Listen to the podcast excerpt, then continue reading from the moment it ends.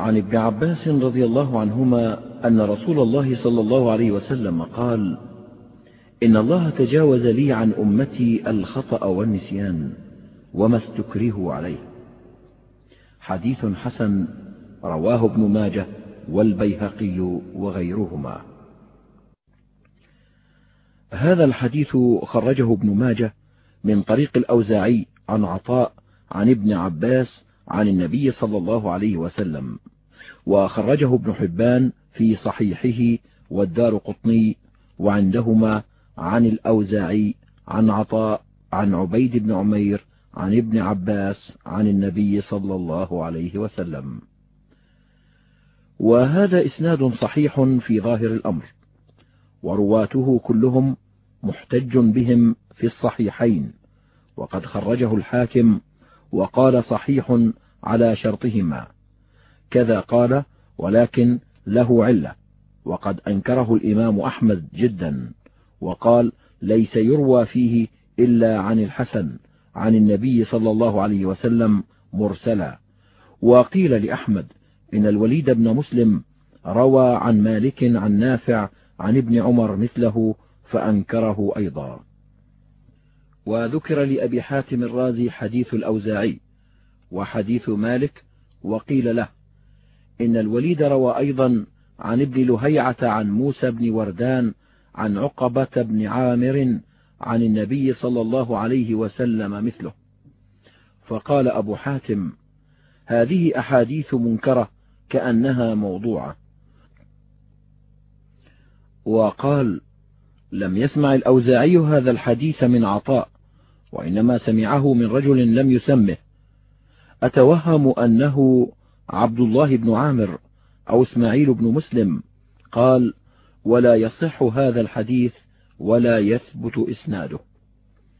قلت وقد روي عن الأوزاعي عن عطاء عن عبيد بن عمير مرسلا من غير ذكر ابن عباس وروى يحيى ابن سليم عن ابن جريج قال قال عطاء بلغني أن رسول الله صلى الله عليه وسلم قال إن الله تجاوز لأمتي عن الخطأ والنسيان وما استكرهوا عليه. خرجه الجوزجاني وهذا المرسل أشبه. وقد ورد من وجه آخر عن ابن عباس مرفوعا رواه مسلم ابن خالد الزنجي عن سعيد العلاف عن ابن عباس قال قال رسول الله صلى الله عليه وسلم تجوز لأمتي عن ثلاث عن الخطأ والنسيان وما استكرهوا عليه. خرجه الجوزجاني وسعيد العلاف هو سعيد بن أبي صالح. قال أحمد هو مكي. قيل له كيف حاله؟ قال لا أدري وما علمت أحدا روى عنه غير مسلم بن خالد. قال أحمد وليس هذا مرفوعا إنما هو عن ابن عباس قوله. نقل ذلك عنه مهنا ومسلم بن خالد ضعفوه. وروي من وجه ثالث من رواية بقية بن الوليد عن علي الهمداني عن أبي جمرة عن ابن عباس مرفوعا خرجه حرب ورواية بقية عن مشايخه المجاهيل لا تساوي شيئا. وروي من وجه رابع خرجه ابن عدي من طريق عبد الرحيم بن زيد العمي عن أبيه عن سعيد بن جبير عن ابن عباس عن النبي صلى الله عليه وسلم وعبد الرحيم هذا ضعيف. وقد روي عن النبي صلى الله عليه وسلم من وجوه أخر وقد تقدم أن الوليد بن مسلم رواه عن مالك عن نافع عن ابن عمر مرفوعا وصححه الحاكم وغربه وهو عند حذاق الحفاظ باطل على مالك كما أنكره الإمام أحمد وأبو حاتم. وكانا يقولان عن الوليد إنه كثير الخطأ. ونقل أبو عبيد الآجري عن أبي داود قال روى الوليد بن مسلم عن مالك عشرة أحاديث ليس لها أصل منها عن نافع أربعة قلت والظاهر أن منها هذا الحديث والله أعلم. وخرجه الجوزجاني من رواية يزيد بن ربيعة سمعت أبا الأشعث يحدث عن ثوبان عن النبي صلى الله عليه وسلم قال إن الله عز وجل تجاوز عن أمتي عن ثلاثة عن الخطأ والنسيان وما أكره عليه. ويزيد بن ربيعة ضعيف جدا. وخرج ابن أبي حاتم من رواية أبي بكر الهذلي عن شهر بن حوشب عن أم الدرداء عن النبي صلى الله عليه وسلم قال إن الله تجاوز لأمتي عن ثلاث عن الخطأ والنسيان والاستكراه. قال أبو بكر فذكرت ذلك للحسن فقال أجل. أما تقرأ بذلك قرآنا؟ ربنا لا تؤاخذنا إن نسينا أو أخطأنا. وأبو بكر الهذلي متروك الحديث. وخرجه ابن ماجه ولكن عنده عن شهر عن أبي ذر الغفاري عن النبي صلى الله عليه وسلم قال إن الله تجاوز لي عن أمتي الخطأ والنسيان وما استكرهوا عليه ولم يذكر كلام الحسن. وأما الحديث المرسل عن الحسن فرواه عنه هشام بن حسان ورواه منصور وعوف عن الحسن من قوله لم يرفعه.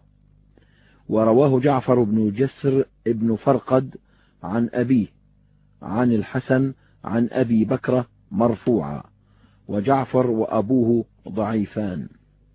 قال محمد بن نصر المروزي ليس لهذا الحديث إسناد يحتج به حكاه البيهقي.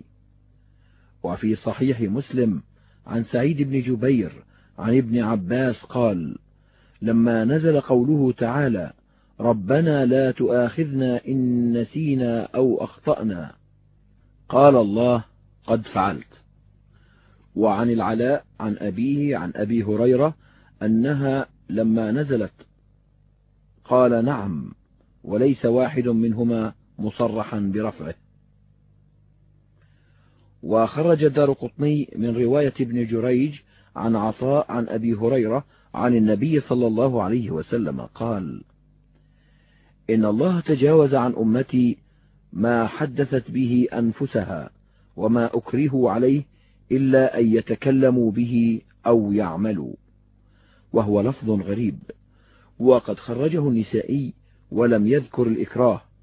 وكذا رواه ابن عيينة عن مسعر عن قتادة عن زرارة ابن أوفى عن أبي هريرة عن النبي صلى الله عليه وسلم وزاد فيه. وما استكرهوا عليه. خرجه ابن ماجه. وقد أنكرت هذه الزيادة على ابن عيينة ولم يتابعه عليها أحد. والحديث مخرج من رواية قتادة في الصحيحين والسنن والمسانيد بدونها.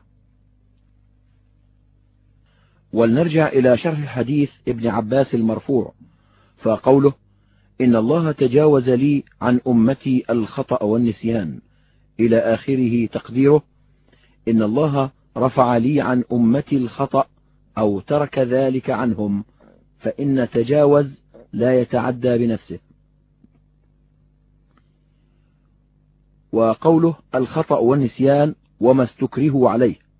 فأما الخطأ والنسيان فقد صرح القرآن بالتجاوز عنهما. قال الله تعالى ربنا لا تؤاخذنا إن نسينا أو أخطأنا. وقال وليس عليكم جناح فيما أخطأتم به ولكن ما تعمدت قلوبكم. وفي الصحيحين عن عمرو بن العاص سمع النبي صلى الله عليه وسلم يقول إذا حكم الحاكم فاجتهد ثم أصاب فله أجران وإذا حكم فاجتهد فأخطأ فله أجر. وقال الحسن لولا ما ذكر الله من أمر هذين الرجلين يعني داود وسليمان لرأيت أن القضاة قد هلكوا فإنه أثنى على هذا بعلمه وعذر هذا باجتهاده يعني قوله وداود وسليمان إذ يحكمان في الحرث إذ نفشت فيه غنم القوم. الآية. وأما الإكراه فصرح القرآن أيضا بالتجاوز عنه قال تعالى من كفر بالله من بعد إيمانه إلا من أكره وقلبه مطمئن بالإيمان. وقال تعالى لا يتخذ المؤمنون الكافرين أولياء من دون المؤمنين.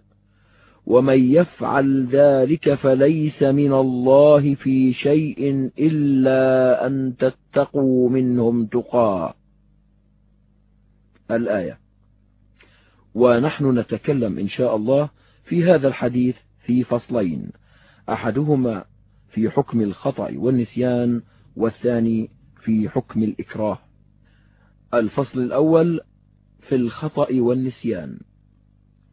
الخطأ هو أن يقصد بفعله شيئا فيصادف فعله غير ما قصده.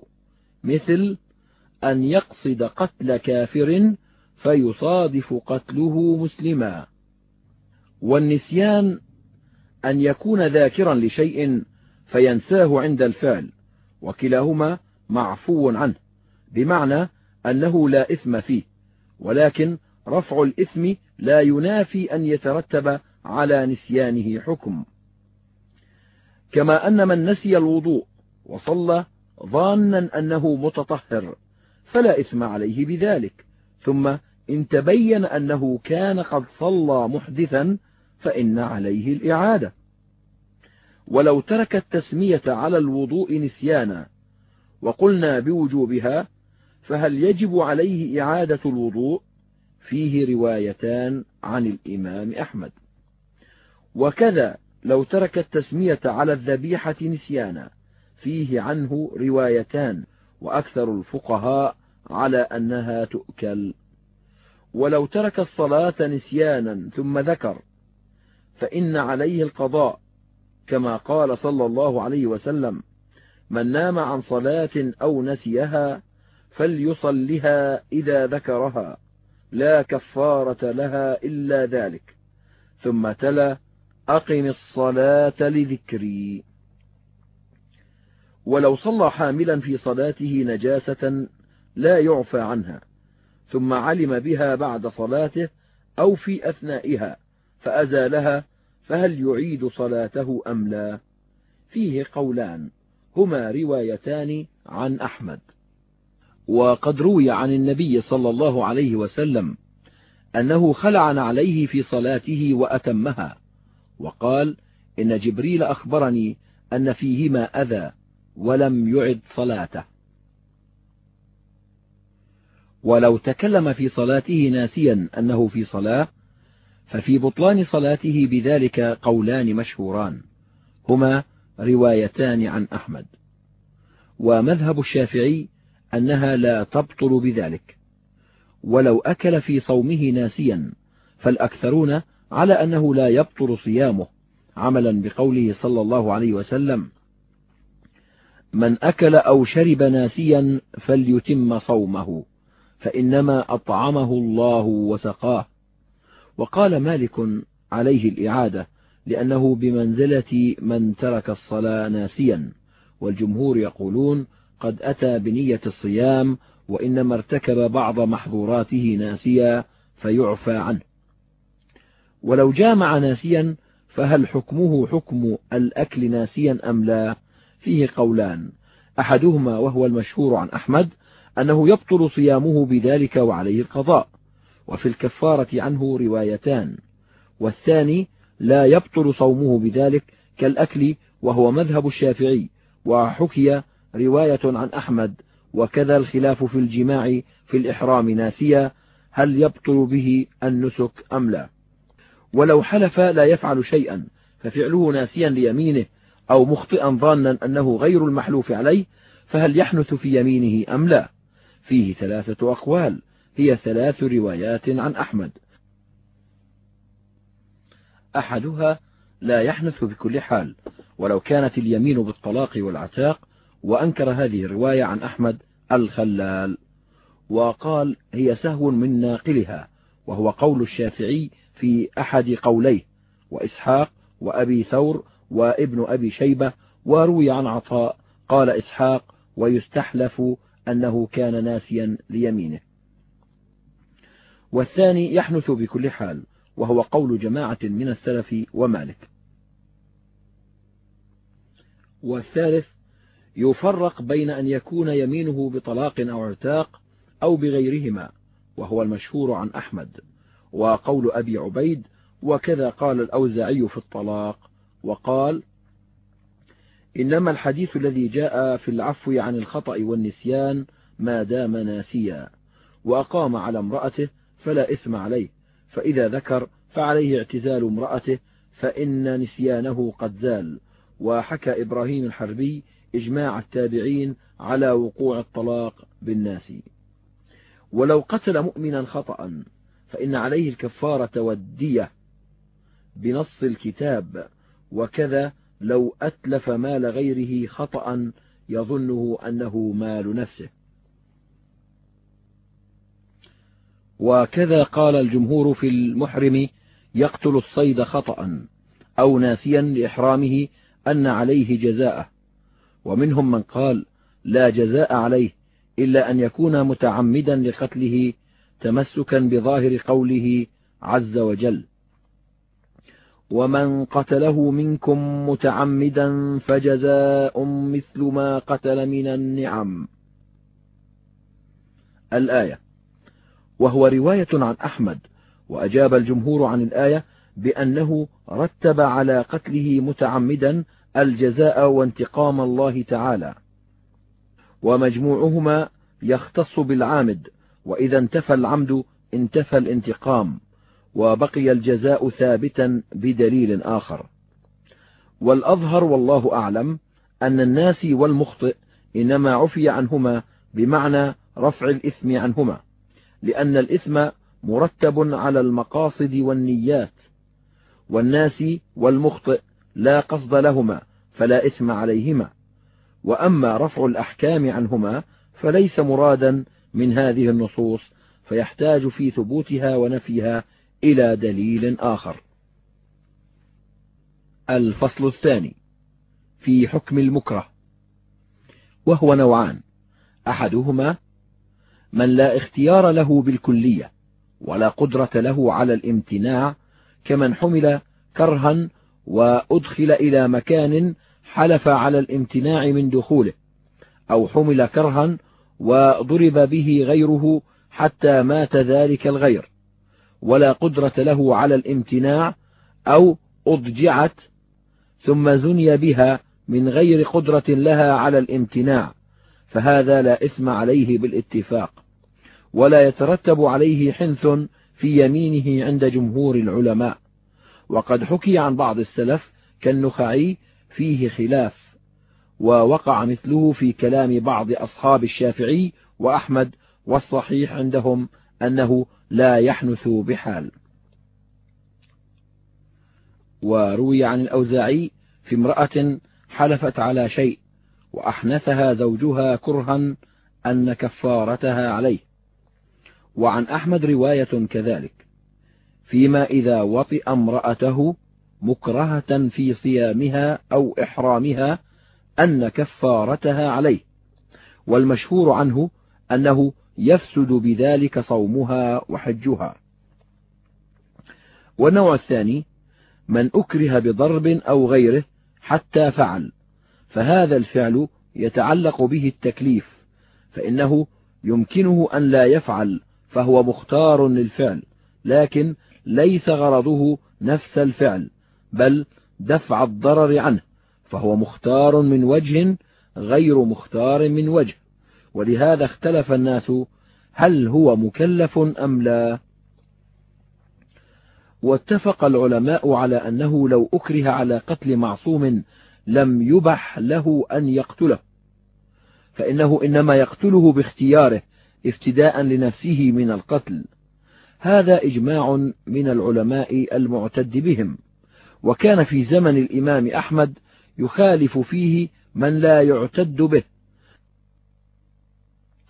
فإذا قتله في هذه الحال فالجمهور على أنهما يشتركان في وجوب القود المكره والمكره لاشتراكهما في القتل وهو قول مالك والشافعي في المشهور وأحمد. وقيل يجب على المكره وحده لأن المكره صار كالآلة وهو قول أبي حنيفة وأحد قولي الشافعي. وروي عن زفر كالأول وروي عنه أنه يجب على المكره لمباشرته وليس هو كالآلة لأنه آثم بالاتفاق. وقال أبو يوسف لا قود على واحد منهما وخرجه بعض أصحابنا وجها لنا من الرواية لا توجب فيها قتل الجماعة بالواحد وأولى. ولو أكره بالضرب ونحوه على إتلاف مال الغير المعصوم. فهل يباح له ذلك؟ فيه وجهان لأصحابنا. فإن قلنا يباح له ذلك فضمنه المالك رجع بما ضمنه على المكره. وإن قلنا لا يباح له ذلك فالضمان عليهما معا كالقود وقيل على المكره المباشر وحده وهو ضعيف. ولو أكره على شرب الخمر أو غيره من أفعال المحرمة ففي إباحته بالإكراه قولان. أحدهما يباح له ذلك استدلالا بقوله تعالى ولا تكرهوا فتياتكم على البغاء إن أردنا تحصنا لتبتغوا عرض الحياة الدنيا ومن يكرههن فإن الله من بعد إكراههن غفور رحيم. وهذه نزلت في عبد الله بن أبي بن سلول. كانت له أمتان يكرههما على الزنا وهما يأبيان ذلك. وهذا قول الجمهور كالشافعي وأبي حنيفة وهو المشهور عن أحمد وروي نحوه عن الحسن ومكحول ومسروق وعن عمر بن الخطاب ما يدل عليه. وأهل هذه المقالة اختلفوا في إكراه الرجل على الزنا فمنهم من قال يصح إكراهه عليه ولا إثم عليه وهو قول الشافعي وابن عقيل من أصحابنا. ومنهم من قال لا يصح إكراهه عليه وعليه الإثم والحد وهو قول أبي حنيفة ومنصوص أحمد وروي عن الحسن. والقول الثاني أن التقية إنما تكون في الأقوال ولا تقية في الأفعال ولا إكراه عليها. روي ذلك عن ابن عباس وأبي العالية وأبي الشعثاء والربيع بن أنس والضحاك وهو رواية عن أحمد وروي عن سحنون أيضا. وعلى هذا لو شرب الخمر أو سرق مكرها حد. وعلى الأول لو شرب الخمر مكرها ثم طلق أو أعتق. فهل يكون حكمه حكم المختار لشربها أم لا؟ بل يكون طلاقه وعتاقه لغوا فيه لأصحابنا وجهان. وروي عن الحسن في من قيل له أسجد لصنم وإلا قتلناك. قال إن كان الصنم تجاه القبلة فليسجد ويجعل نيته لله. وإن كان إلى غير القبلة فلا يفعل وإن قتلوه. قال ابن حبيب المالكي وهذا قول حسن. قال ابن عطية وما يمنعه أن يجعل نيته لله. وإن كان لغير القبلة. وفي كتاب الله فأينما تولوا فثم وجه الله. وفي الشرع إباحة التنفل للمسافر إلى غير القبلة. وأما الإكراه على الأقوال فاتفق العلماء على صحته. وأن من أكره على قول محرم إكراها معتبرا أن له أن يفتدي نفسه به ولا إثم عليه. وقد دل عليه قول الله تعالى إلا من أكره وقلبه مطمئن بالإيمان. وقال النبي صلى الله عليه وسلم لعمار إن عادوا فعد. وكان المشركون قد عذبوه حتى يوافقهم على ما يريدونه من الكفر ففعل. وأما ما روي عن النبي صلى الله عليه وسلم أنه وصى طائفة من أصحابه وقال لا تشركوا بالله وإن قطعتم وحرقتم. فالمراد الشرك بالقلوب كما قال تعالى وإن جاهداك على أن تشرك بي ما ليس لك به علم فلا تطعهما. وقال تعالى ولكن من شرح بالكفر صدرا فعليهم غضب من الله. وسائر الأقوال يتصور عليها الإكراه. فإذا أكره بغير حق على قول من الأقوال لم يترتب عليه حكم من الأحكام. وكان لغوا فإن كلام المكره صدر منه وهو غير راض به. فلذلك عفي عنه ولم يؤاخذ به في أحكام الدنيا والآخرة. وبهذا فارق الناس والجاهل وسواء في ذلك العقود كالبيع والنكاح أو الفسوخ كالخلع والطلاق والعتاق وكذلك الأيمان والنذور وهذا قول جمهور العلماء وهو قول مالك والشافعي وأحمد. وفرق أبو حنيفة بين ما يقبل الفسخ عنده ويثبت فيه الخيار كالبيع ونحوه فقال لا يلزم مع الإكراه وما ليس كذلك كالنكاح والطلاق والعتاق والأيمان فألزم بها مع الإكراه. ولو حلف لا يفعل شيئا ففعله مكرها فعلى قول أبي حنيفة يحنث وأما على قول الجمهور ففيه قولان. أحدهما لا يحنث كما لا يحنث إذا فعل به ذلك كرها.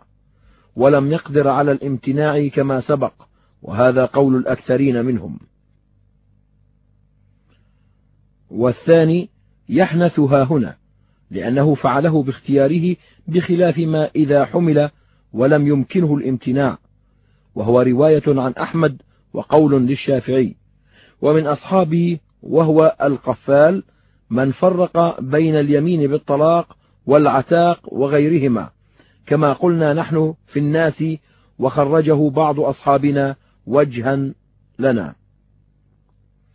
ولو أكره على أداء ماله بغير حق فباع عقاره ليؤدي ثمنه فهل يصح الشراء منه أم لا؟ فيه روايتان عن أحمد وعنه رواية ثالثة إن باعه بثمن المثل اشتري منه وإن باعه بدونه لم يشترى منه. ومتى رضي المكره بما أكره عليه لحدوث رغبة له فيه بعد الإكراه والإكراه قائم صح ما صدر منه من العقود وغيرها بهذا القصد. هذا هو المشهور عند أصحابنا وفيه وجه آخر أنه لا يصح أيضا وفيه بعد. وأما الإكراه بحق فهو غير مانع من لزوم ما أكره عليه. فلو أكره الحربي على الإسلام فأسلم. صح إسلامه.